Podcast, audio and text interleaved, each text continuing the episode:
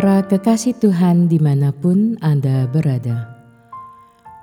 Kita berjumpa lagi dalam Kencan Dengan Tuhan edisi hari Sabtu 11 Maret 2023. Dalam Kencan kita kali ini kita akan merenungkan ayat dari surat Kolose bab 3 ayat 13 Sabarlah kamu seorang terhadap yang lain, dan ampunilah seorang akan yang lain, apabila yang seorang menaruh dendam terhadap yang lain.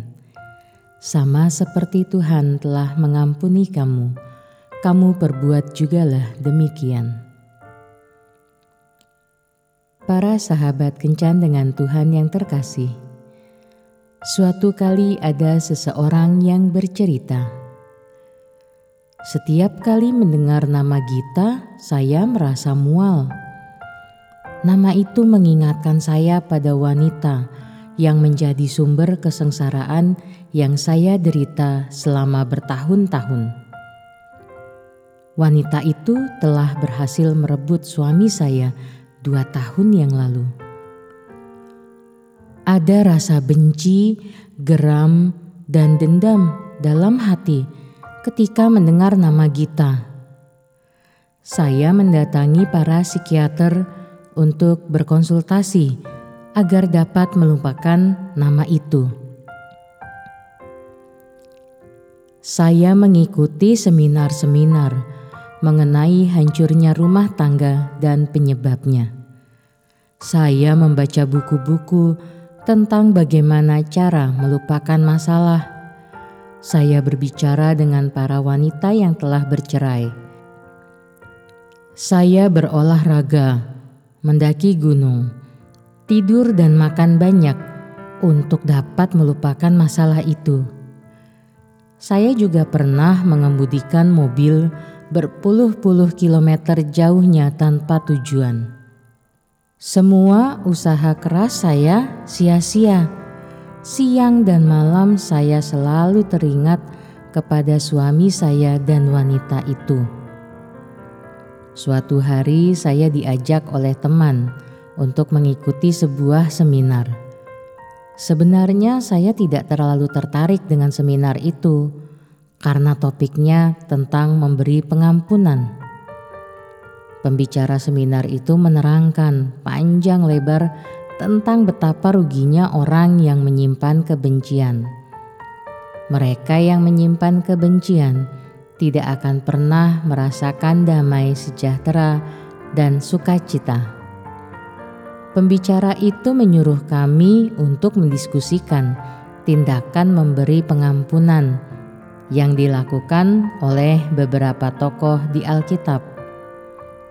Di akhir seminar, Pembicara itu mengajak setiap peserta untuk memejamkan mata, membayangkan wajah orang yang dibenci, dan segera melepaskan pengampunan kepada orang tersebut. Pikiran saya langsung tertuju pada Gita. Dalam hati saya menolak. Ya Tuhan, bagaimana mungkin saya akan mengampuni wanita itu? Ia telah merebut suami saya.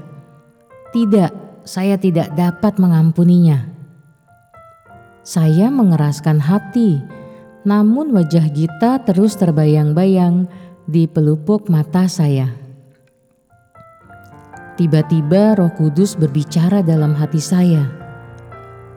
Bersediakah engkau melepaskan pengampunan bagi dia yang sangat kau benci?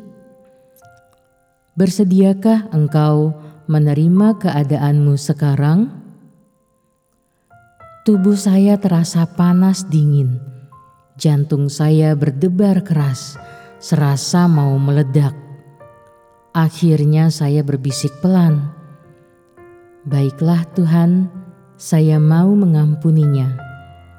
Hanya tolong mampukan saya untuk mengampuni dan melupakannya." Baru saja kata-kata itu meluncur dari bibir saya.